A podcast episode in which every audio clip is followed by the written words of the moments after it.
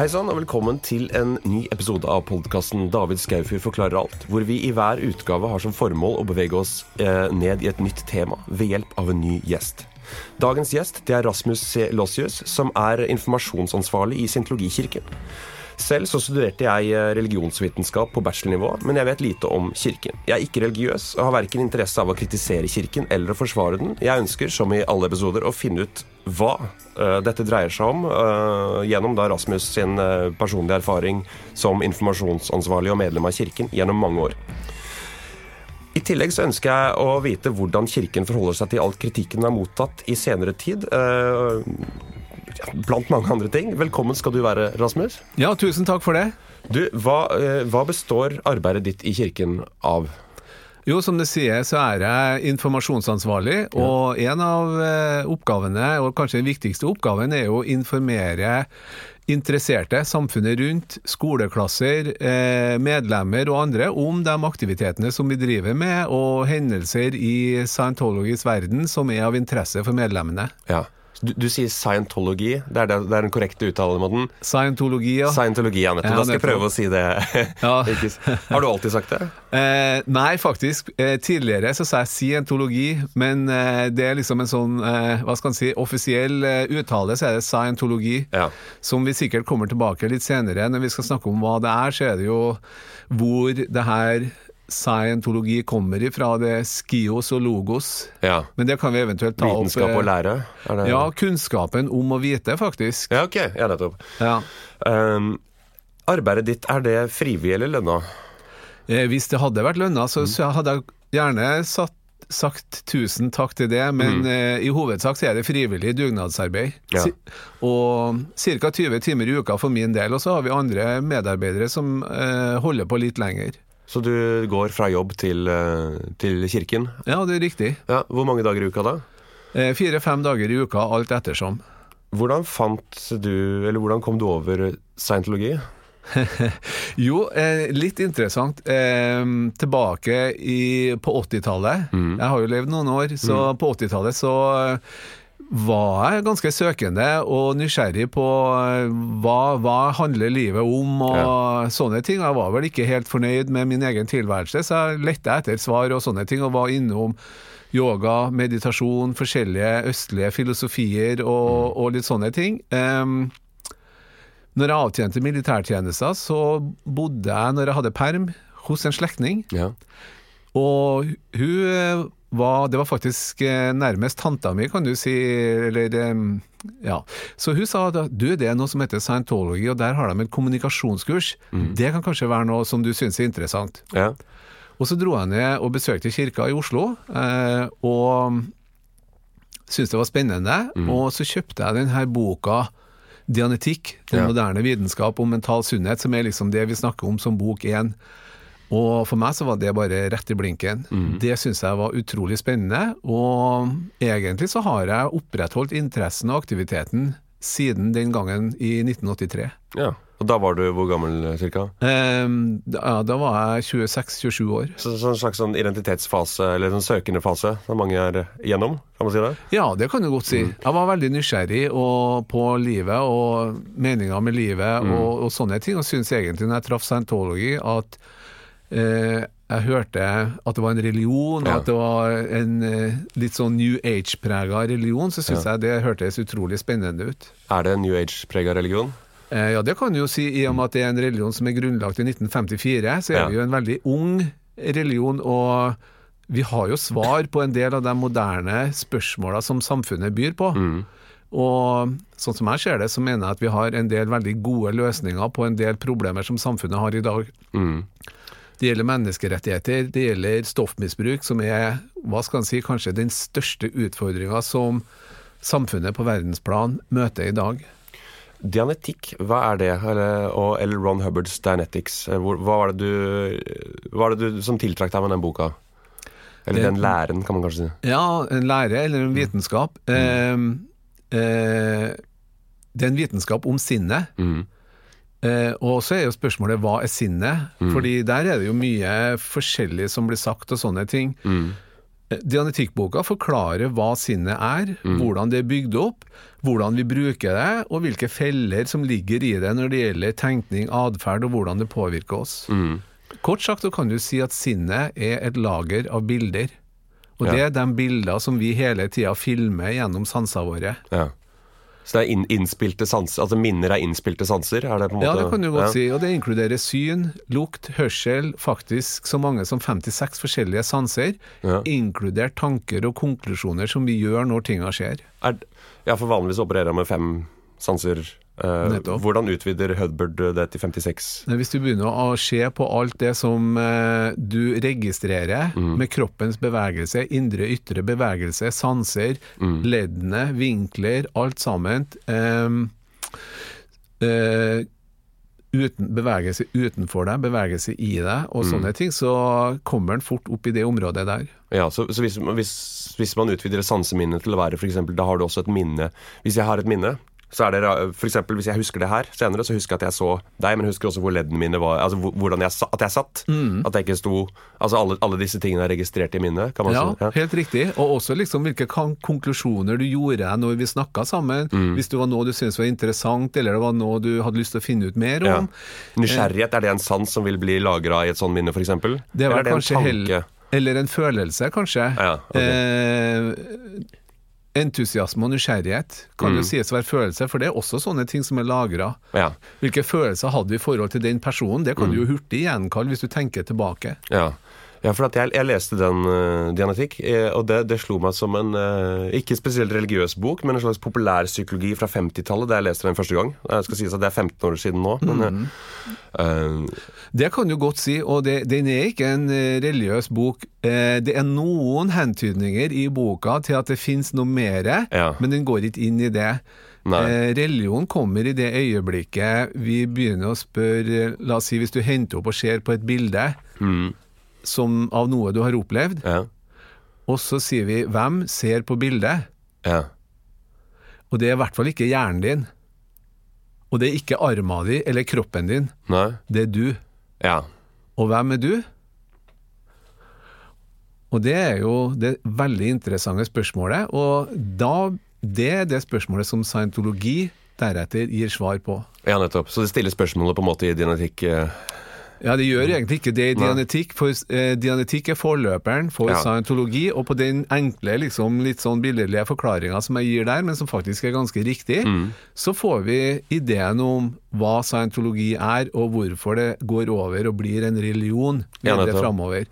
Mennesket er et åndelig vesen, Ja. du er en ånd, mm, som vi kaller da en tetan, fordi vi tenker at det er et rent begrep som forklarer hvordan scientologi eh, definerer den åndelige eksistensen. Ja, nettopp. Tetan betyr det jord... Teta, er det jord? Eller- Nei, det betyr tanke. betyr tanke, ja. Tanke er liv, så Ja. det er egentlig Du er det tenkende vesen. Du er den, Ja. det er den enheten som vi alle er, Mm, som har vilje, som har tankekraft og skaperkraft, og som gir liv til det rundt oss. I, I dianetikk, eh, for jeg har lyst til å bare ta det kronologisk, dianetikk, Elron mm. Hubbard, scientology. eh, I dianetikken så er det noe, opererer operere med noe som heter en, enegrammer, eller engrammer. Engram, ja. Engram, ja. Stemmer. Eh, som er, eller kanskje du kan forklare hva det Ja. er? En gram er jo den en av de helt grunnleggende begrepene i dianetikken og i vitenskapen om sinnet. Mm. Eh, vi kan si det på den måten at uh, sinnet er et ufeilbarlig system. Hvis du tenker på all arkivering, all lagring, all oppfattelse og alt sammen, det er et kryssarkiv av en helt uh, utrolig dimensjon og uh, presisjon. Mm. Det som er utfordringa, eller som har vist seg å være et problem, eh, er når du er mer eller mindre ubevisst, så fortsetter denne filmopptakeren Mm. å gå, men opplevelser og hendelser blir lagra i den ubevisste delen av sinnet. Ja. Det vi kaller det reaktive sinnet. Okay, Ja. Og den, der ligger det, det er hendelser som en da kaller en grammer. Et engram er en hendelse.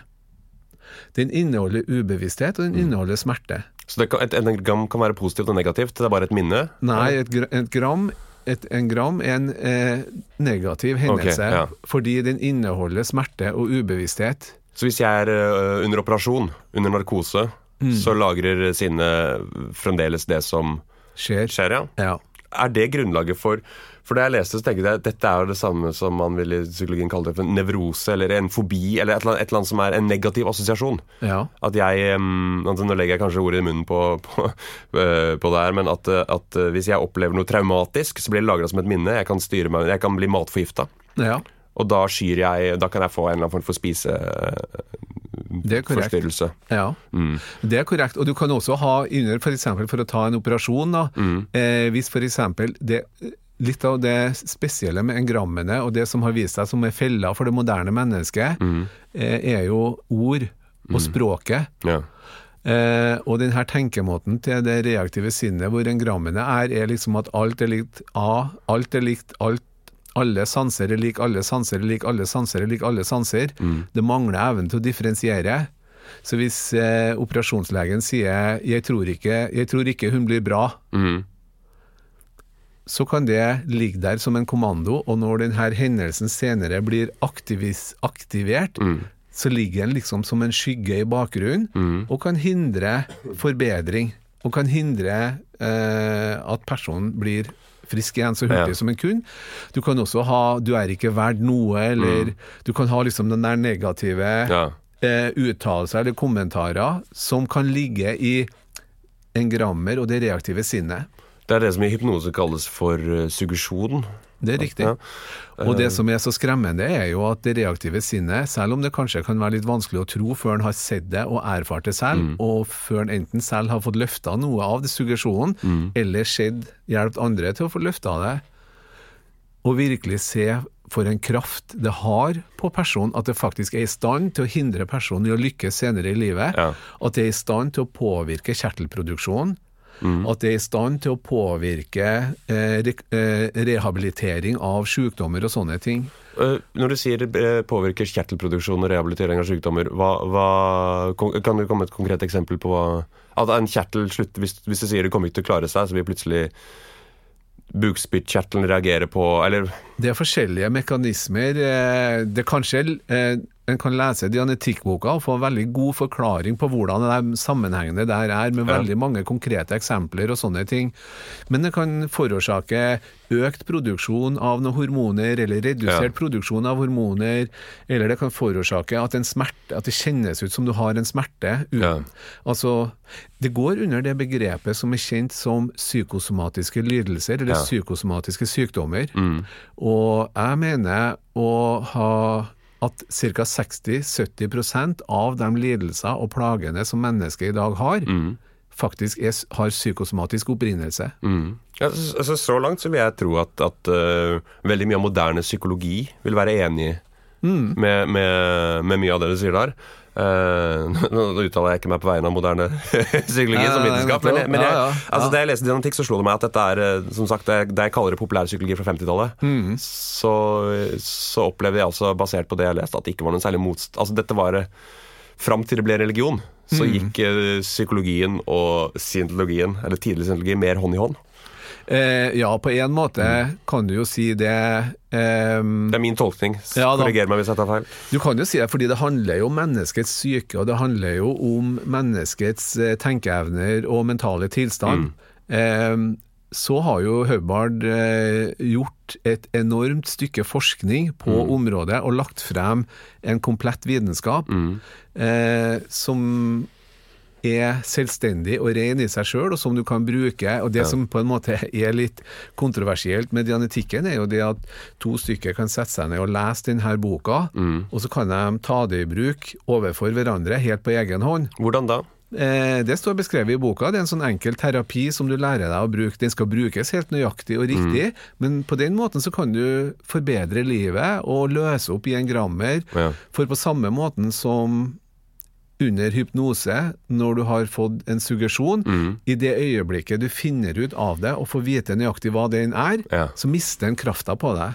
Ja. Og den terapien Bevisstgjøring er en del av terapien? Absolutt. Ja. Det du gjør, er at du overfører Når du går, du går tilbake, Mm. og så gjenkaller du, Og så ser du på hendelsen på nytt, og så oppdager du Oi, jøss, det var det som skjedde, og det sa den, og så hørte jeg det. Oh my god, liksom, det har en, det har, en, har en innflytelse på livet ditt i dag. Ja, så man mener at sinnet fikser seg selv hvis du klarer å sette lommelyktelyset på hvor, hvor problemet er? Ja, det var et veldig godt bilde. Akkurat Takk, takk, sånn takk. er det. Ja, du bare overfører det fra det ubevisste til det bevisste. Ja, nettopp. Pang. Du, du fisker det opp også. Men Ja. for at dere bruker um, Hva heter det for noe, den der e-meteret? Det der um, Stemmer. Ja, eh, jeg kan beskrive det for lytterne. Jeg har uh, fikk til en demonstrasjon av dette på et tidligere stadium. Det er et slags um, Det ser ut som et speedometer. Det er en slags sånn nål som peker, gir utslag, og du holder på to um, håndtak. Elektroder. altså Det er egentlig to hermetikkbokser, kan du si, som Ja. er litt forfina og avansert. da. Og den enkleste eh, iterasjonen av dette var at personen som styrte dette e-meteret, sa 'tenk på en gang du falt'. Jeg tenkte på en gang jeg falt. Det ga utslag. Altså det, og da mente han at ja, det er fordi du har lagra et lett traume rundt dette her. Det var Du falt, smerte, negativ assosiasjon. Det gir et emosjonelt utslag.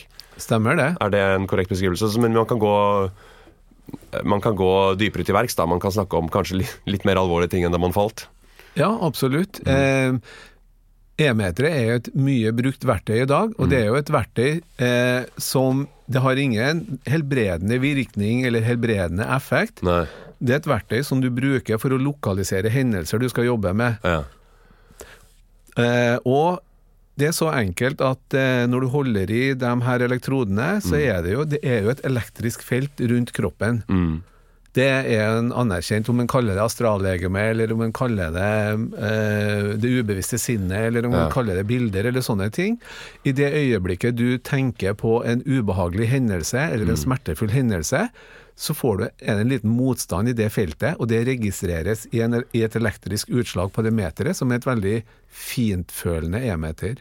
Og på den måten så kan eh, terapeuten eller auditøren, den som lytter, som vi kaller det, auditøren, ja. så ser han oi sann, her er det noe, her, har du no, her er det noe som eh, eh, personen har oppmerksomhet på. Stiller noen flere spørsmål i den retningen der, og, og lokaliserer, og kan hurtigere gjøre noe med det. Eh, og det reduserer jo tida som en bruker Ja. på terapi med ja, 20-gangen, for å se på den måten, bare for å ta et tall. Uh, det er flere spørsmål som åpner seg i kjølvannet her, men det ene er at mm. man snakker om uh, scientologi, som, scientologi som vitenskap. Og L. Ron Hubbard som vitenskapsmann, var han en anerkjent forsker? Var det til privatforskning? Var det på uh, utdanningsinstitusjoner? Hvordan foregikk hans forskning, og hvor, hvor stor produksjon har han etterlatt seg? Eh, han eh, Skal vi se, hva var det første spørsmålet? Første spørsmål er hva er vi- vitenskap? Ja, Altså, nettopp. Jo, det... det... var det nemlig jeg hang meg litt opp i, skjønner du. Eh, dianetikk er en vitenskap. Mm. Scientologi, når vi begynner å snakke om det åndelige, Ja. eh, er en, det vi kaller en anvendt religiøs filosofi. Anvendt religiøs filosofi, ja. Nettopp. Ja. Og anvendt, det, det er liksom det på en måte som jeg opplever som det spesielle både med dianetikk og med scientologi, er anvendt, for vi liksom er, vi bruker de her tinga som vi lærer hele tida. Og hele den der forskninga til en Haubarn har på en måte, Det går ut på hvordan kan vi bruke det, Mm. hvordan kan vi hjelpe folk å få det bedre, hvordan kan vi hjelpe folk å forstå seg selv og omgivelser Mm. bedre. Så det er anvendt religiøs filosofi, og så er det en anvendt vitenskap, som vi sier om dianetikken. Ja. Um, jeg mener at Hubbard er en veldig seriøs forsker, og han forska jo på egen hånd hele tida. Det er ikke kjøpt og betalt av noe stor industri eller legemiddelfirma eller noe som helst. Det er finansiert gjennom hans forfatterskap. ja. For han er jo, en, eh, han er jo Ifølge Guinness så er han både verdens mest publiserte Ja. og verdens mest oversatte forfatter. ja, for han, et, han eh, var jo også science fiction-forfatter. Science fiction, krim, eh, fiction i det hele tatt, faktisk. Eh, voldsom eh, produksjon og, og sånne ting. Og bøkene hans blir jo fremdeles den dag i dag utgitt. Ja. Eh, og det var den Det er jo det han sier selv, at han først og fremst var, så var det forfatter. Og det var jo helt Han hadde jo en skrivemaskin han, hvor han hadde en svær rull. Han hadde jo ikke papir, men han hadde en svær rull, så han satte seg ned og skrev. Så skrev han en bok over natta, Ja. bare med liksom Ja. ja, ut, så det var en helt unik eh, forfatteregenskap han hadde. Er det gode bøker? Har du lest uh... Jeg har lest mange av Ja. de eh, science fiction-bøkene og sånne ting. Jeg kunne, mange og mange, i hvert fall lest en 10-12 stykker av dem, Mm. og syns det er veldig spennende. Nå er jo jeg veldig glad i Hubbard, så egentlig på en måte det, det han skriver, det syns jeg er bra. Ja. På den måten at jeg har jo studert veldig mye dianetikk og scientology og fått mye nytte av det. Mm. Eh, men jeg syns også han er en spennende fiction-forfatter. Absolutt. Ja. Slutta han med fiction-virket sitt etter at han uh, stifta uh, Scientologikirka, eller? Ja, i hovedsak så gjorde han det. Men eh, på 80-tallet så kom han med en eh, eh, et, eh, to bind. Den heter Battlefield Earth, Ja. som handler om eh, Johnny Goodboy Tyler, som kommer tilbake som 3000 år etter et eh, I år 3000 så er det liksom noen hendelser på jorda og litt sånne ting. Veldig spennende historie. Eh, og så, noen år etter det, så skrev han en dekalogi. Eh, eh, ti bind science fiction-historie ja. som er en utrolig også spennende historie, hvor det ikke er Den har liksom en litt sånn historisk bilde, sjøl om det sies liksom at den ikke er forbundet med dagens tilstand her på jorda, og litt sånne ting, så er det jo kanskje litt antydninger til noen navn og litt forskjellige ting, da, sånn at en kanskje kan få en idé litt om en sammenheng, på en måte. Um, veldig spennende science fiction-historie. Mm. Er er det overlapp eh, mellom hans science fiction-forfatterskap og hans øh, øh, forskning? Altså er, er det ideer som dukker opp i Battlefield Earth, som dukker opp i scientologi? Nei, det vil jeg ikke si at det er. Nei. Nei, det er det ikke. Den der forskninga på det med scientologi er jo eh, Hubbard har levert i åra fra 1950 til 1970 3000 foredrag på Ja. ca. en times lengde. Innspilte? Innspilte Ja. Eh, om eh, dianetikk og om scientologi, om Ja. mennesket og mennesket i forhold til sine omgivelser, Mm. og om teknikker som vi kan bruke for å få til ting bedre og hjelpe oss sjøl og andre bedre. Mm. Ehm, så Og det er jo liksom ting som har kommet frem. Han jobba jo hele tida med folk, Mm. samtidig som han etablerte grupper og var med å sette i gang grupper fordi folk fikk interesse verden over. Ja. Vi ble jo relativt hurtig etablert i Australia, USA, i England Mm. og Europa. Eh, og der var det grupper som arbeidet, og han reiste rundt og jobbet med folk. Mm. Og prøvde ut teknologien og prøvde ut fremgangsmåter. Mm. Hele tida med det formålet, for det første, at det kan læres bort til andre. Ja. Og at teknikken fungerer hurtig nok til at en person kan eh, få et godt resultat innenfor en rimelig tid. ja. Det går ikke an å holde på i 20-30-40 år liksom, med, med en slags terapi for at en person skal føle seg litt bedre. Nei. Så veldig fokus på det at det skulle hele tida finnes en bedre teknologi som var mer effektiv, og som hjalp personer til å, bli, til å få leve bedre liv Mm. hurtig. Eh, jeg har lyst til å snakke videre om det, men det, det, det som er eh, altså på en måte elefanten i rommet når man, studerer, når man snakker om uh, scientologi, er, er all den, den massive kriti kritikken. Og det, for, det hva skal jeg si, ensidige mediebildet som har vært altså Når jeg leser om scientologi, så er det i media, så er det ofte Det, det er sjelden positivt. Altså Det er ofte mange som er ute etter å ta, ta religionen. Hva, hva er grunnen til det, tenker du? Ja, si, ja eh, jeg har jo litt tanker om det. Jeg har jo vært med i 30 år og har jo hørt eh, de eh, mest merkverdige påstander om hva vi er og hva vi driver med og sånne ting. Mm. Um, ja. eh, noen få Mm. er åpenbart veldig redd for det vi driver med. Hvorfor det? Fordi det fungerer, og fordi det er effektivt, og fordi folk blir bedre av det. Mm. Og det er klart det at her kommer en hurtig i konflikt med etablerte autoriteter. Eh, veldig på, på kant med legemiddelindustrien f.eks., som tjener milliarder på den der produksjonen av psykiatriske og psykotrope medisiner. Som etter vår mening eh, Hubbard har vært helt klar på det fra starten av. Det der er svindel. Det Ja. der fungerer ikke. Det er noen påstått kjemisk ubalanse i hjernen som ikke hører hjemme. Det er ikke noe dokumentasjon eller bevis rundt akkurat den påstanden der. Men, men da mener du at det ikke er noen dokumentasjon for egentlig psykiatrien som fag? Ja. Ja. Eh, den der sterke medisineringa, elektrosjokkbehandlinga og tidligere lobotomien, som har blitt hevda å være revolusjonerende og menneskegavnlige eh, behandlingsmetoder Mm. som er alvorlige overgrep mot mennesker. Så det, Ja. det, der er det jo en kollisjonsflikt. kollisjonsplikt. Ja, det, det er jo. Altså, da, men kan man si at dere Da har dere også kommet med en måte et angrep til en ganske stor industri, og da kan forvente en motreaksjon når dere går til angrep på en milliardindustri? Det kan du jo si. Mm. Vi har dokumentert eh, utallige overgrep, og vi produserer videoer og sånne ting for å Ja. vise eh, den svindelen som mye av det her er basert på. Og det er jo ikke egentlig Altså, vi bryr oss ikke så mye om det, men det er jo forferdelig at mennesker skal bli utsatt for den type overgrep. Bare i Norge så er det jo over 3000 stykker som blir tvangsinnlagt og satt på medisiner og sånn hvert år.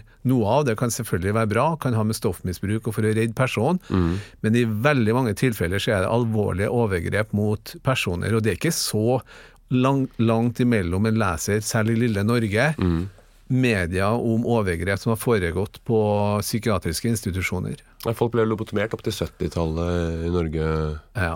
Og elektrosjokk, som en tror er en utdøende eh, eh, aktivitet, er, er på fremgang som aldri før. Men, eh, men hvor setter dere grensa når det gjelder medikamenter? F.eks. Ritalin til barn med ADHD. Er dere Hvor går grensa Overhodet ikke. Ritalin er jo et amfetamin. Det er jo, du, gir ikke narko, du, du gir ikke narkotika til små barn. Det, det, det er også en sånn teori som er framkommet basert på eh, den tåpelige og udokumenterte teorien om den kjemiske ubalansen. Mm. Eh, hele det her ADHD-problematikken er en konstruert eh, situasjon Mm. av legemiddelindustrien og med hånd, hånd i hånd med psykiatrien Mm. for å selge medisiner til små unger og folk som, som såkalt de tror behø behøver det. Så, men mener for eksempel en, Ta det et tilfelle med barn med ADHD. Men er dianetikk det er deres eh, anbefaling, eller auditering? Er det Nei, eller? Nei, overhodet ikke. Vi behandler ikke den type sykdommer og sånne ting. Det Nei. som vi påpeker er at det er veldig mye annet en kan gjøre. Mm. Punkt én, undersøke kosthold. Mm. Du har jo sukker f.eks. Ja. Eh, Og hvis en begynner å undersøke litt nærmere hva barn med ADHD spiser, så Mm. vil en jo veldig ofte finne et eh, kost, kosthold som kan rettes opp på og bli bedre. Ja. Eh, Det finnes også allergier, og det finnes mange forskjellige årsaker som en kan gå inn og se på og gjøre noe med, før en begynner eh, eh, den der såkalte behandlinga. ja. Eh, og så sier de jo det at ja da, men det gjør vi, men det gjør de jo ikke, for det er jo bare bløff. Ja. Det kjøres, jeg har jo sett eksempler innenfor skoleverket og sånne ting, hvor den pedagogisk-psykologiske tjenesten kommer inn, og de er retta inn imot å få dem på medisin, for da er liksom problemet løst. Foreldrene er fritatt for at det er noe med oppdragelsen deres, eller deres skyld, eller kosthold og sånne ting. Alle er liksom fritatt for ansvaret når den stakkars ungen får den herre diagnosen. Å, ja, nei, det er glad. Da var det liksom ikke vår skyld. Da var det den kjemiske ubalansen. Ja. Så dere mener at det er ikke noe som heter kjemisk ubalanse? Menneskesinnet er i utgangspunktet et perfekt apparat, men blir Ja, men vi trenger selvfølgelig hjelp, og vi, det er ting en kan gjøre for å forbedre seg. Ja. Men eh, psykiatriske medisiner er ikke løsningen. Nei? Hvis en ser på bieffektene, en trenger ikke å kalle det bieffekter engang, for det står utapå at folk får selvmordstanker, og, og det kan være mange andre skadelige effekter. Det er faktisk virkninger, effekter, av de her medisinene. Og det er jo ingen tilfeldighet at eh, selvmordsraten blant barn og unge går opp, eller at folk som bruker de her medisinene går opp. Er det, men hvor, hvor, hvor setter dere liksom markøren for toleranse på medikamenter? Er dere mot alle medikamenter, eller er det psykoaktive farmika? Er dere alkohol, koffein, eh, slike ting? Hva, hvor, hva Har dere noe policy på det? Eh, vi følger jo stort sett den der eh, lille boka som heter 'Veien til lykke', hvor det står eh, en av reglene der. Det er en sånn 21 eh, regler for et lykkelig liv, eller for et godt liv. Eh, en ikke-religiøs eh, hefte, faktisk, som Høbart skrev en gang eh, på 60-tallet. Eh, som vi bruker i fengsel, vi bruker på skole, vi bruker Ja. for barn og unge og sånne ting. Og en av de første eh, reglene der er vær måteholden. Sånn at eh, om en tar seg et glass vin eller litt sånne ting, så er det ikke noe problem det. Og eller om en, hvis en får en operasjon, om en får noe smertestillende medisiner og sånne ting, så, så er det ikke noe problem med det. Men poenget er vær måteholden. Nettopp. Eh, bare tilbake til det med, med kritikken. Eh, man har jo også avhoppere som har vært eh, aggressive i forhold til og, og mm, eh, Hva tenker du er grunnen til det? Og hva tenker du er grunnen til den ensidige Altså legemiddelindustrien er på en måte et Det er jo aspekt. én side av saken, og det kan jo også være store, autoritære, etablerte kirkesamfunn, uten at jeg skal si noe nærmere om dem, som er litt skremt av denne nyreligiøse bevegelsen som foregår, ikke bare når det gjelder scientologi, Nei. men at samfunnet i dag er veldig mye mer åpent for eh, andre religioner. Ja. Er dere åpne for andre religioner? Vi har, et, vi har et godt samarbeid med andre religioner. Vi har nettopp de siste par månedene vært gjennom en litt interessant dialog med, med en sørkoreansk gruppering som har samler forskjellige religioner. Islam, eh, buddhisme, hindu Ja. og sånn, hvor vi diskuterer og legger frem skriftene våre, og hvordan vi gjennom skriftene, eller basert på skriftene, ser på forskjellige situasjoner i verden i dag. Det har vært, så vi er veldig åpne og mottagelig for dialog med andre religioner. Men dialog kan man være kristen, kan være muslim, også scientolog? scientolog? Ja, vi har eh, folk som er, tilhører alle religioner, som også bruker scientologi i livet sitt. Ja. Vi, det har jo litt å gjøre med det at altså i motsetning til den jødisk-kristne eh, eh, religionen, religionsretningen, som på Ja. en måte definerer Gud, ja. så, gjør, så definerer ikke scientologi Gud. Nei. Vi sier at Gud er det øverste vesen, og at vi anerkjenner at det finnes et høyeste vesen. Ja. Eh, og at eh, det er, ligger i det egenskaper som eh, udødelighet, uendelig eksistens og litt sånne ting. Og jeg oppfatter på en måte scientologi som en eh, kunnskap og lærdom som gjør deg bedre i stand til å forstå guddommen, Ja, og finne frem til den guddommen som du føler er riktig. Ja. Og sånn sett så er det jo et godt verktøy eh, for enhver person som er interessert i religion. Mm. Uh, jo, jeg, eh, de der avhopperne, uh, for eksempel. Mm, Hva kan være grunnen til at den eh, at, den, eh, at, at det surner mellom eh, enkelte avhoppere. Og det er viktig kanskje å presisere at det er enkelte avhoppere, at ikke alle som ikke er aktive medlemmer av kirken som er aggressive. Men Ja, noen ja, er veldig. Hvorfor, spørsmålet mitt er hvorfor blir noen så veldig sure på dere? Ja. På en måte så hadde det vært bedre å spurt dem kanskje om det. Hvorfor. Eh, Det som overrasker meg litt, er jo hvorfor eh, får de her få så stor plass i media? Eh, kanskje er det av den her Media skal jo alltid ha konflikt, blod, penger, kjendiser og sånne ting. Men det skal liksom være en konflikt og et angrep for, at du, for å få noen overskrifter og for å selge.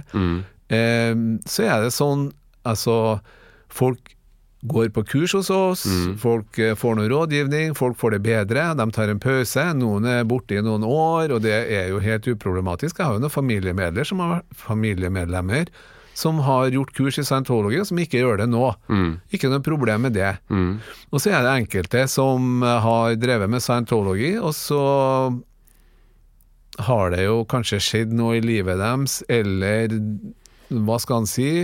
Kanskje de har gjort noe som de ikke er så happy for, eller litt sånne ting. Og så blir det veldig viktig for dem å angripe oss og legge all skyld for hele livet sitt og hele sin fiasko på oss. Ja. Eh, og det er jo selvfølgelig synd. Eh, I tillegg så har han jo det at noen få eh, har, uten egentlig å ha lest ei bok av Haubard og vite noe spesielt om hva temaet, emnet, går ut på, uten å forstå hva teknikkene kan gjøre for hver enkelt, bare angripe det. Eh, Scientologi spesielt, men kanskje mer generelt all religion. Antireligiøs, rett og slett. Ja.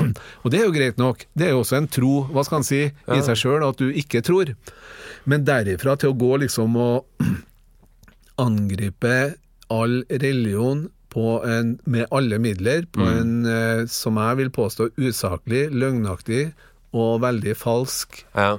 måte, det er jo litt skremmende at de får så stort mediebilde, da. Mm. Men altså, jeg er jo den oppfatning at all religion bør kunne tåle å bli utsatt for kritikk, men at det skal være litt likeverdig, på en måte. Eller at man skal man eh, Hvordan skal jeg formulere meg? At man skal eh, det jeg syns er interessant, er at scientologi har blitt hakkekyllingen innenfor religiøse spekteret, på en måte, i eh, moderne tid. Opplever du det samme?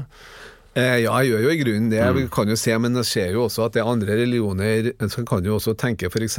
islam i våre dager. Må, altså de religiøse og, og, ordentlige, ordentlige, som er det store flertallet, som er det absolutt største flertallet innenfor islam, det er jo eh, religiøse og troende og hardtarbeidende folk. Og så de angrep som de får da av eh, krigere og konflikter og selvmordsbomber og sånne ting, som ikke er en del av islam egentlig. Nei.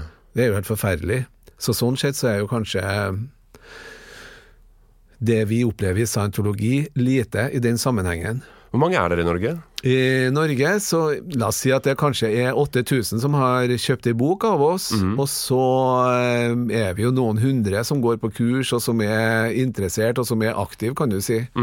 Eh, dessverre ikke flere Nei. enda. Men vi jobber Dere er veldig små, altså, rett og slett, i Norge? Ja, det kan du si. Vi, vi få som driver på, vi får et ganske stort mediebilde, og vi syns vel kanskje at det er litt ute av proporsjoner. Ja. Derfor må jeg jo få lov å si tusen takk til deg, David, for at jeg får lov til å komme her og snakke litt om scientology, for det er jo et spennende tema. Ja, jeg, jeg er veldig interessert i å høre det fra, fra deres side. Som sagt, Jeg, synes det er, eh, jeg er nysgjerrig, og jeg syns det er et eh, ensidig mediebilde. Jeg er mer interessert i å høre hva, hva dere står for. Så tenker jeg at folk kan eh, folk kan like det eller ikke like det. men eh, men eh, jo, bare sånn, jeg, så jeg har lyst til å legge det der med kritikken bak, for jeg har lyst til å mer snakke om hva dere faktisk står for, og hva dere faktisk tror på. Men det siste angående kritikken er at dere har blitt anklaget for heksejakt på eksmedlemmer og sitte på informasjon om de gjennom disse auditeringene som brukes mot de. Hvordan, eh, hvordan stiller dere til det? Jeg tror vel kanskje i hovedsak at det er et mareritt som de selv ligger med om natta, Ja. og tror at de har eh, mer betydning for oss enn det de egentlig har. eh, hvis det at de går til eh, offentlig angrep på oss og kommer med løgnaktige påstander, og sånn som eh, jeg har sett en del av, direkte løgner og falsknerier. Mm. en, en eh, TV-reportasje som ble lagd eh, fra Clearwater, hvor vi har vårt religiøse hovedkvarter Ja. Så gikk de og kakka på dører som ikke har blitt brukt på de siste ti åra, for å vise at hvor stengt vi var, hvor lukka vi var, hvor vanskelig det var å komme inn. Mens det at de hadde de gått hovedinngangen, eller brukt invitasjonene de fikk for å få en omvisning, så hadde det vært uproblematisk. Det blir jo sagt om oss at vi er et lukket samfunn, men vi er jo faktisk et veldig åpent samfunn, og vi gjør jo alt vi kan for å invitere folk inn og vise hva vi driver med. Ja, det, det opplevde jeg veldig da jeg tok kontakt med dere. Så fikk jeg invitasjon til å komme inn. Jeg kom inn i eh, Ja, la, la oss gli over i det. Jeg kom over, ble invitert inn i kirka deres. Mm. Første som slår meg, er at dette er ikke en tradisjonell kirke. Dette er ikke en, eh, det jeg assosierer med kirke. Nei, det, det- forstår jeg. Nå, Ja. ja. for det her er jo litt eh, Altså, vi er jo en liten kirke i Norge. Vi er jo ti-elleve medarbeidere. Eh, og vi har jo kurslokaler, og vi har eh, auditeringsrom, og vi har administrative kontorer.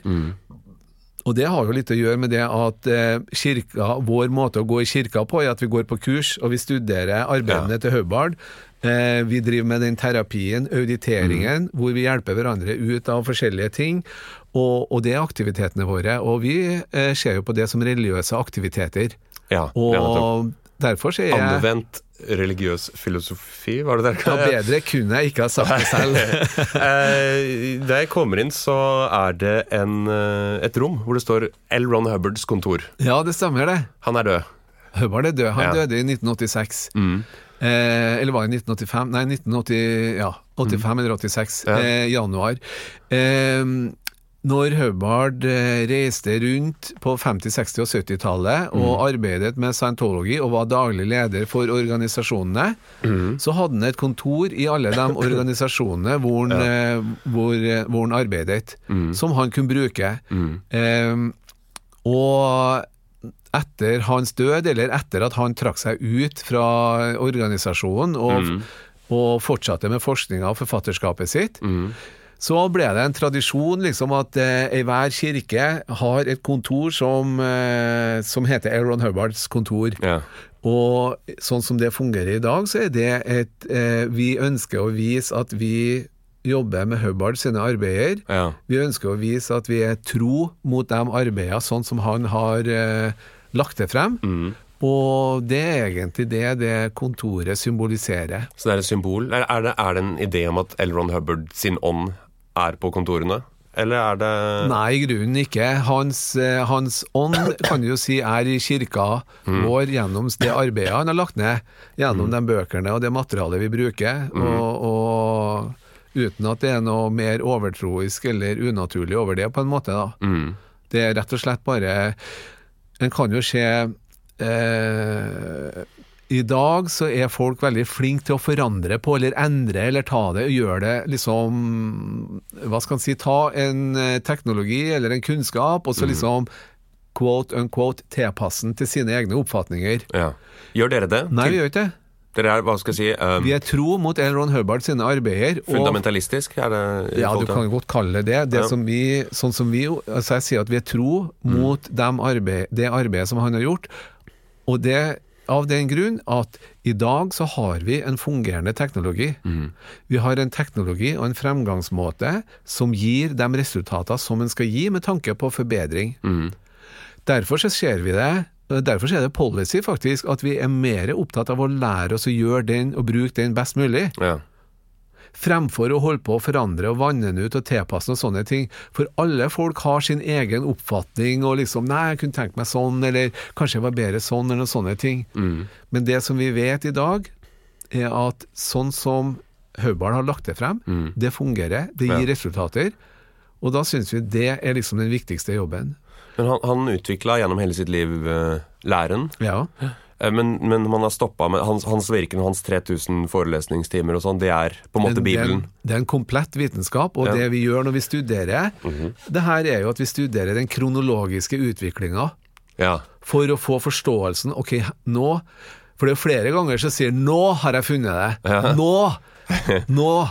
Dette er tingen. Og da går det jo litt med på eh, oppfatninga av hvordan ånden er, og hvordan ånden fungerer, og hvilke teknikker en kan bruke for å komme frem til de innerste postulatene eller bestemmelsene eller tankene som du har gjort deg liksom om livet og sånne ting. For dere har jo Dere opererer med nivåer. Ja, det gjør vi. Uh, og dere har noe som heter å være clear. Ja. Uh, hva er å være clear? Å være klær er at eh, en person har fått rydda opp i sitt eget ubevisste sinn. Han har ikke lenger noen engrammer, og har ikke lenger sitt eget reaktive sinn. Du har ikke sånne små stemmer og, og ting og tang som forteller deg hvor dårlig du er, og som hindrer deg i å bli bra hvis du skader deg, eller litt sånne ting. Du har altså rett og slett rydda opp på harddisken. Ja. Du har støvsugd underetasjen der. Det er helt riktig. Eh, Ja. Det er jo det som er formålet med tradisjonell terapi også, det er å bli kvitt disse knutene. Ja. Eh, dere gjør det på deres måte. Eh, hvor lang tid tar det å bli clear? Å bli clear kan gjøres på et års tid, med de moderne, effektive teknologiene og fremgangsmåtene som vi har i dag, inkludert bruken av V-metere. Hva koster det å bli clear? Eh, Det er litt avhengig av hvor lang tid du bruker. Ja. Eh, En kan gjøre det på to måter. Det ene er at en kan kjøpe kursene Ja. hvor du lærer teknikkene, og så kan du samauditere med en annen. Da kanskje du kan få det til for 100 150 000 kroner. Da har du både utdannelsen og evnen, egenskapen, sertifiseringa på en måte til å gjøre det på en annen. Ja. Og så hvis du skal ha en one-to-one, liksom kjøre hele veien oppover, Ja. eh, så kan det ligge litt i samme eh, gata, kanskje litt mer også. Vi, kall, hva, dere kaller det auditering, men er det coaching? Er det terapi? Hva, hva er eh, Å auditere betyr å lytte. Så terapeuten stiller deg enkelte spørsmål Ja. som setter i gang noen prosesser som du svarer på, som gjør at du får de eh, oppdagelser om livet ditt, og de eh, eh, realiseringene som du trenger for å komme videre. Og det, den her eh, veien mot klær, den er veldig nøye kartlagt. Eh, den er vist på et kart som vi kaller broen til total frihet. Eh, vi er faktisk veldig effektive, rett på sak, og veldig systematisk i vår religiøse anvendelse. Og vår bruk av denne her for å hjelpe oss selv og andre for å leve bedre liv. Og det var jo hele tida Hubbard sitt formål. Kunne lære det bort til andre, og gjøre det mest mulig effektivt, sånn at du enkelt kan oppnå det på ei livstid hvis du ønsker det. Så, ja, så det, det, det er, man kan si at religion tar utgangspunkt i, en, i enkeltindividet? Ja, det kan du si, ja. Mm. For å renske opp i det. Er, er det en hva skal jeg si, er det en egoistisk tilnærming til religion, eller handler det om en global uh, Altså man forbedrer verden ved å forbedre seg selv? Hvor, altså hvor Ja, nettopp. Som det siste du sa, målet til scientologi er en verden uten krig, sinnssykdom og kriminalitet, hvor det ærlige mennesket også har rettigheter. mm. Og det å si i dag at vi tror på en verden uten krig Den her andre sørkoreanske eh, religiøse gruppa som vi jobbet med, hadde også 'cessation of all war'. Ja. Og det er jo et veldig høyt mål, og nesten modig, vil jeg si, å si det i dag. Ja. Jeg tror at vi kan skape en Ambisiøst verden mål. uten krig. Ja, veldig ambisiøst. Men vi tror på det gode i mennesket, Ja. og gjennom denne teknikken og terapien så får vi frem det gode i mennesket. Så, så man mener at uten disse engrammene så gjør man bedre valg, mindre destruktive valg overfor seg selv og andre? Nå, nå legger jeg, merker jeg jeg legger veldig mye av mine egne tanker her i munnen på deg, så kanskje jeg ikke skal gjøre det. Uh, Ja, men, men, men- ja. men, men hvis man er clear, hvis hele verden blir clear Vi ville ha et bedre samfunn. ja. Vi, vi sier mennesket er grunnleggende godt. ja, nettopp. Og vi ønsker å gjøre gode handlinger. Vi ønsker å ta riktige valg. Mm. Og så er det enkelte mekanismer i sinnet som gjør det umulig for oss Ja. pga. suggesjoner og forskjellige ting vi har opplevd. Og Ja. der, der eh, kan dianetikk og scientologi hjelpe oss med. Hvorfor må det koste? Fordi at vi må betale husleie. Vi skal helst, hvis vi klarer det, få betalt eh, noen lønninger til alle dem som er med å hjelpe til. Vi skal betale for markedsføring. Vi skal betale for bøker, trykking av bøker. Og vi, det er masse kostnader med det å holde en, eh, en kirke og en organisasjon gående. Ja. Eh, når ble du clear? Jeg ble clear i 1995. Ja. Hvordan, hva var liksom følelsen av det? Ja, det var jo en stor glede. Ja. Eh, Jeg hadde jo jobba i 13, 13 år for å komme dit, Ja. og det var det var eh, som å bli født på ny, kan du si. Mm. Eh, det, ja, det var det. Ja. Jeg følte en veldig fin aktivitet, eh, fint eh, nivå liksom i tankeflyten, Mm. og livet mitt ble enda mer spennende videre etter Mm. det. Tar du valg på annen måte? Forholder du deg annerledes til andre mennesker? Ja, det vil jeg jo si. Eh, andre mennesker betyr mer. Mm. Det er jo alltid sånn at en kan bli flinkere i forholdet til andre, og en kan bry seg mer og litt sånne ting, men i hvert fall så føler jeg det at jeg, jeg ble i stand til å bry meg mye mer om andre folk og se andre folk bedre. Mm. Eh, litt mer modig kanskje i kommunikasjon med andre, og modig i aktivitetsnivået. Tør å gjøre litt nye ting og sånne Ja. ting. Hva skjer etter at man blir clear? Er man ferdig? Er man uteksaminert? Blir du noen gang ferdig med å leve livet? Blir du noen gang ferdig? Nei, altså den her brua til total frihet, den fortsetter jo videre. Vi har jo det her spennende området som heter OT-nivåene. Ja. Hva betyr det? Eh, jo, det, enkelt forklart så kan du si eh, når du er kler, så Mm. er du kler Jeg skal gå litt tilbake. Mm. Eh, hvis vi deler opp livet i, i aktivitetsområder, Mm. hvis vi sier at livskrafta er retta mot overlevelse Mm. Du ønsker å overleve, og du ønsker at du selv skal overleve, familien din skal overleve, gruppa di skal overleve, menneskeheten skal overleve. Mm. Alt liv og det fysiske universet og ting rundt deg, huset ditt skal liksom være i orden, det skal være malt, og du, alt sånt elektrisk og rør og sånt skal, unnskyld, skal være i orden. Mm. Og du ønsker at eh, kunst og kunstneriske og sånne den type åndelige aktiviteter også skal overleve og ha det bra. Mm. Og der har vi plutselig åtte områder for livet. Mm. Og klær betyr at det området som heter deg selv, Ja. er klær. Ja. Du har rydda opp i din egen harddisk, Ja. men du møter jo fremdeles folk rundt deg. Ja. Og du møter jo fremdeles utfordringer. Det betyr jo ikke at jobben din og alt sammen bare kjører på skinner derfra til evig tid.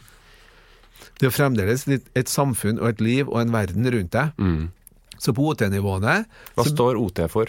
opererende titan. Mm. Så er- opererende ånd? Opererende ånd, ja, kan du si. Ja. Titan er jo ånd, Ja. scientology, eller eh, Med all den kunnskapen om åndelig eksistens og åndelige egenskaper. Det er jo det som er spennende her. hvilke egenskaper har du som et åndelig vesen? Hva kan du gjøre? Hva kan du få til? Og det For eksempel så er det jo anerkjent innenfor scientologi og også andre steder at ånden kan gå ut av kroppen.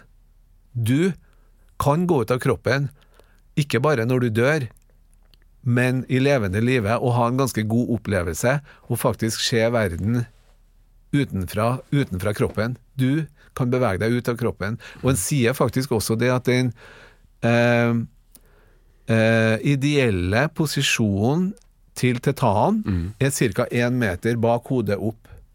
Da er du den perfekte sjåføren i bilen som heter David Skaufjord. Hvis du sammenligner det med en bil, sant, så har du et karosseri, og i det karosseriet, inni der så sitter en sjåfør. Det er du. Og kroppen er da bilen, sant. Så hvis du sitter litt opp og bakom, så har du perfekt oversikt, oversikt Ja. og du er litt sånn eh, Kan man styre dette? Kan man styre ånden inn og ut? Kan jeg gjøre det, eller må Det er jo en del av det som du lærer deg når du går oppover brua. Mm. Eh, at du blir bedre i stand til eh, Og har en større bevissthet om deg selv som et åndelig vesen. Mm. Nettopp. Og det er fantastisk spennende. Men tar dere, tar dere aktiv kontroll over det her med ånden og, og, og projiserer den eller sender den ut andre steder? Er det en metafor, eller er det fysisk? Kan du se deg selv en meter utenfra? Det er, jo ikke, det er jo ikke fysisk, fordi ånden er jo et åndelig vesen. Det er jo en egen dimensjon. Og det er jo egenskaper som ligger i ånden. Og det er jo sånne ting som en kan lære seg å jobbe med. Ja. Eh, og det er jo opp til hver enkelt. Det er jo ikke sånn der lærer du det, eller der lærer du det. Det er jo en sånn gradvis forståelse av egenskaper som tilhører åndelig eksistens, og hva du kan gjøre. For at jeg var, eh, altså det, Så vidt jeg har skjønt, så er disse liksom hemmelige. Altså Dette er, et, eh, dette er en, en slags eh, lære dere holder innad i kirken. Hva som skjer på disse OT-nivåene. Men du hadde for eksempel eh, South Park, serieskaperne, de hadde jo en, eh, de hadde en dramatisering av med romvesen og ånd og eh, en planet som har sprengt, ånder som kom til jorden, som de mente var det scientologikirka står for. Er det det? Nei, det er jo ikke det. Det er en liten del av alle den kunnskapen og vitenskapen som dianetikk og scientology er, som er eh, som er hemmelig, eller som er taushetsbelagt. Og OT-nivåene er blant det. Hvorfor er de taushetsbelagte? Jo, det er ganske så enkelt at eh, eh, du vil ikke få utbytte ut av det og kunne bruke det og forstå det før du liksom har gjort de trinnene som er foran. Altså, pedagogisk Pedagogisk løp, er det dere Ja, det kan du jo der? godt Ja. si. Du må liksom ha kommet dit og oppnådd det og funnet ut av det, før Mm. du egentlig kan gjøre deg nytte av det.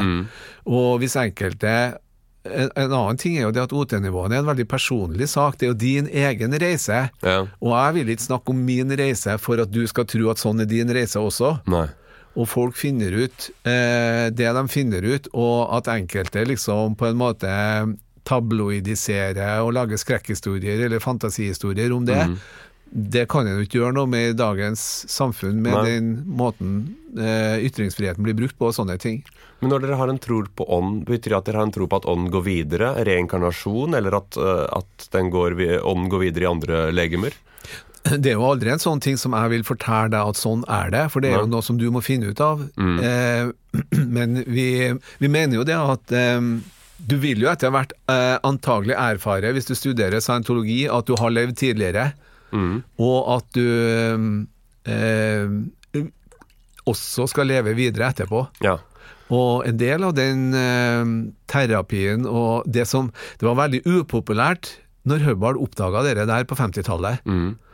Eh, for det første var jo i dianetikken eh, så kommer det frem det at du faktisk eh, blir påvirka av hendelser i mors mage, Mm. altså før du ble født. ja. Det vil si det som vi kaller prenatale, før fødselopplevelser. Altså Ja. fra unnfangelsen Mm. og fremover. Men da er det fremdeles en kropp. Da er det fremdeles en kropp. Mm. Allerede det var litt upopulært, for på den tida der så var det liksom eh, det var, Mennesket var bare en kjøttklump til det var to år. Ja. Um, og så liksom begynte etter hvert eh, tanke og liv og sånne ting å, å utvikle seg. Ja. Når han da også begynte å snakke om tidligere liv, Mm. Så gjorde han jo ikke det fordi at det var noe han ønska, eller noe sånt, men det hadde jo å gjøre med å være tro til den forskninga. Ja, Så dette var noe han oppdag... Hvordan oppdaga han eh, Han oppdaga det gjennom denne terapien, eller auditeringen som det heter, fordi du spør en person eh, Sinnet er jo bygd opp sånn at det er tidligere lignende hendelser. Ja. Sant? Du har den første her som du husker. Ja. All right, du snakker om den, og så er det tydeligvis noe mer som, eh, som ligger der, og så en tidligere lignende hendelse. En tidligere lignende hendelse, og det var jo sånn at denne prenatale, eller førfødselopplevelsene kom fram. ja. Eh, det er jo forklart hva slags hendelser det kan være, og det er sånne ting. Og det er faktisk også dokumentert at ord som mor og far snakker om, Mm. f.eks. hvis de har et samleie, eller hvis mor dunker borti en eh, skuff eller en skarp gjenstand når jeg er ute og går, og sånne Ja. ting, så, har det, så kan det faktisk hentes opp i enkelte tilfeller fra barnets hukommelse Mm. i mors mage. En tidligere lignende hendelse, og så begynner folk å fortelle om ting som åpenbart har skjedd før fødsel ja. tidligere, kanskje ganske langt, langt tidligere også. Mm. Og til å begynne med så var jo det her interessant, greit nok, men det som var det avgjørende ved det hele, var jo at folk ble mye bedre, mye hurtigere, og fant ut av ting for seg selv Mm. på en mye bedre måte, hvis du aksepterte de hendelser som lå tidligere. ja. Og sånn på en måte starta det hele, og da vil det jo være en, en forsker som ikke tar hensyn til det, Ja. som en del av det som plutselig dukker opp i forskningsmaterialet. ja.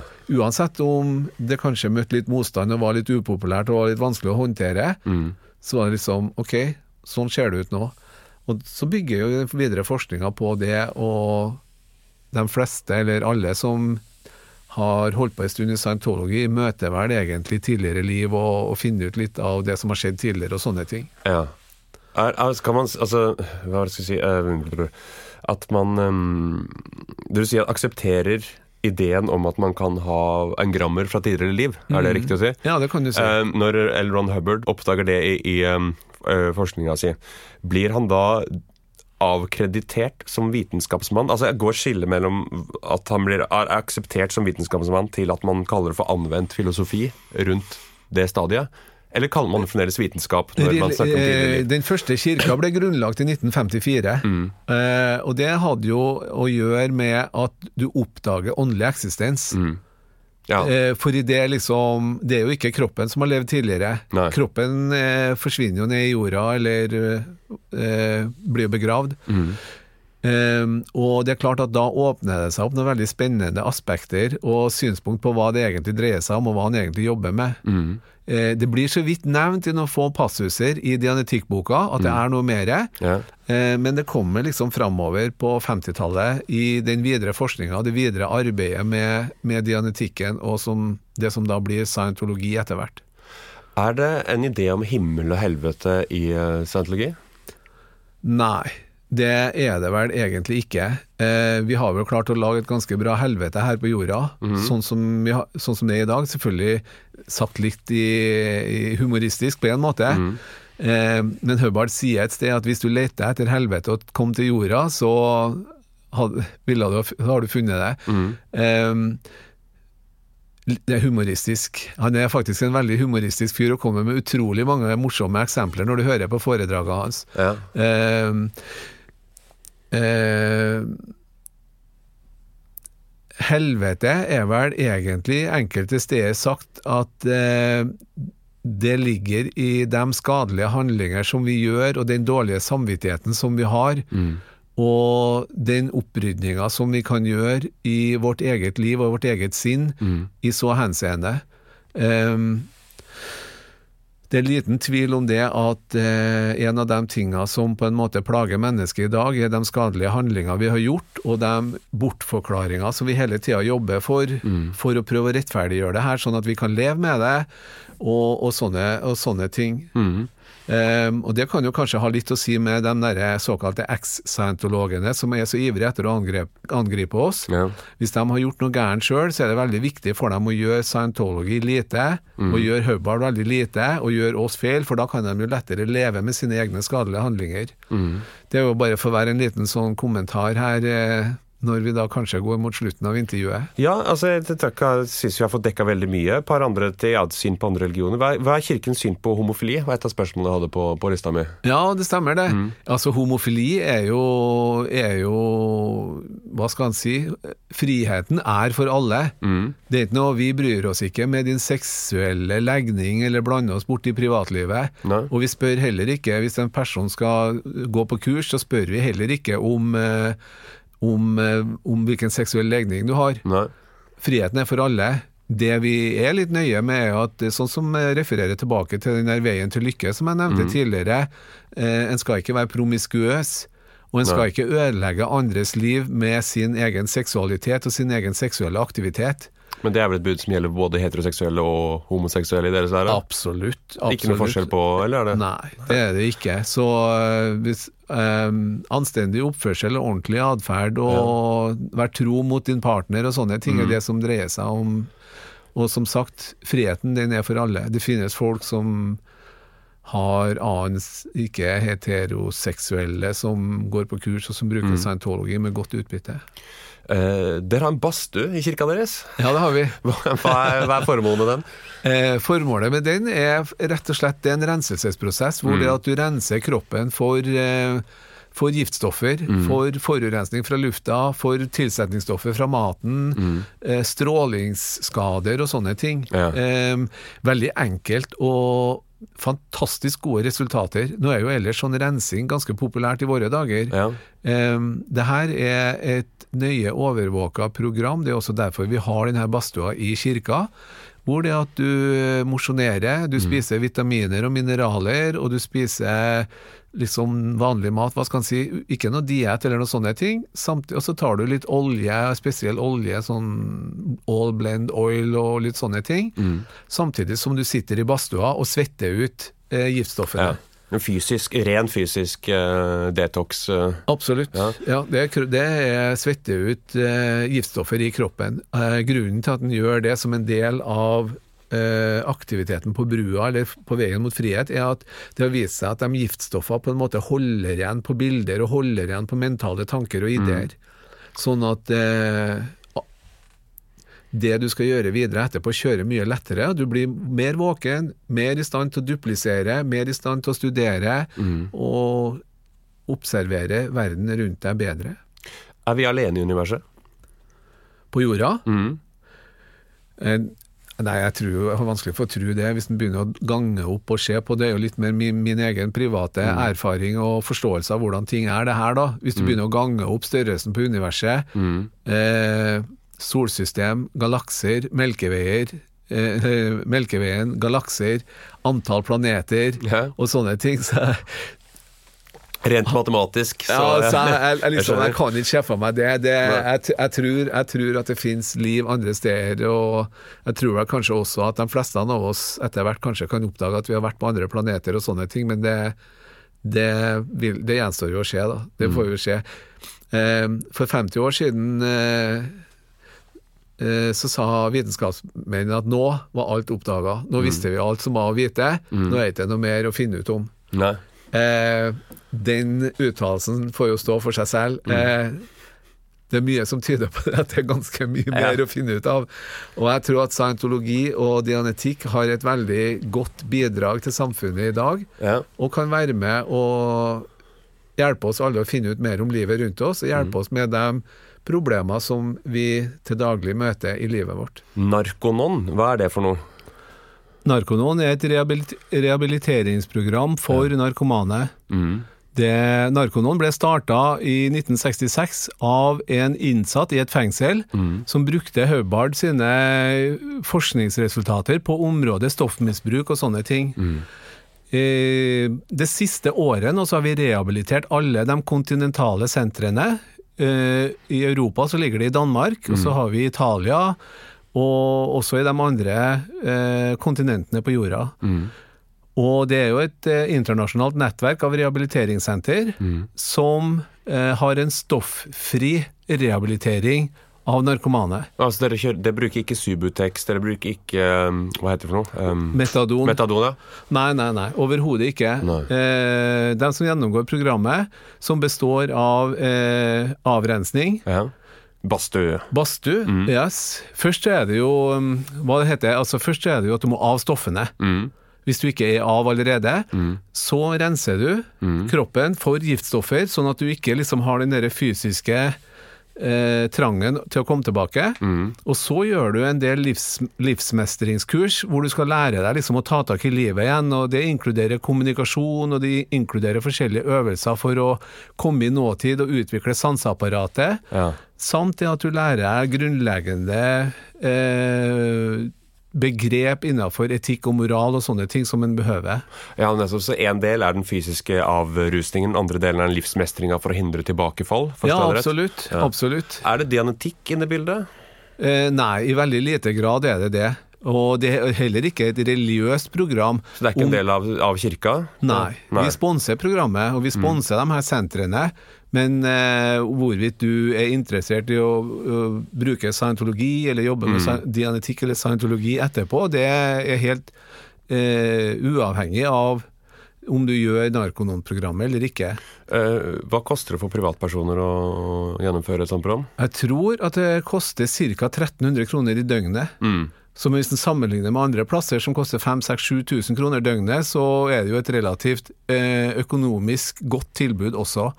Og der hvor eh, Narkononsenter er etablert, i, så sponser jo ofte landet, eller myndighetene, eller det kommunen, eh, pr programmet og gjennomføringa for eh, misbrukere som vil gjøre det. Vi gjør det, ja? Så det er Ja, ja. statlig statlig støtta program der hvor, eh, hvor det er godkjent til det. Er er kirka statlig støtta? I Norge så har vi ennå ikke fått religiøs anerkjennelse, sånn at vi oppnår den der statlige støtten per medlem som finnes. Men eh, vi har jo religiøs anerkjennelse i Sverige, i England, i Holland og stadig flere land som vi eh, sammenligner oss med. Hvorfor har dere ikke fått religiøs anerkjennelse i Norge? Nei, vi har jo egentlig prøvd å søke litt for en 10-15 år siden, men vi er litt liten, og vi har liksom ikke godt nok strukturert, for det er en god del arbeid med det. Ja.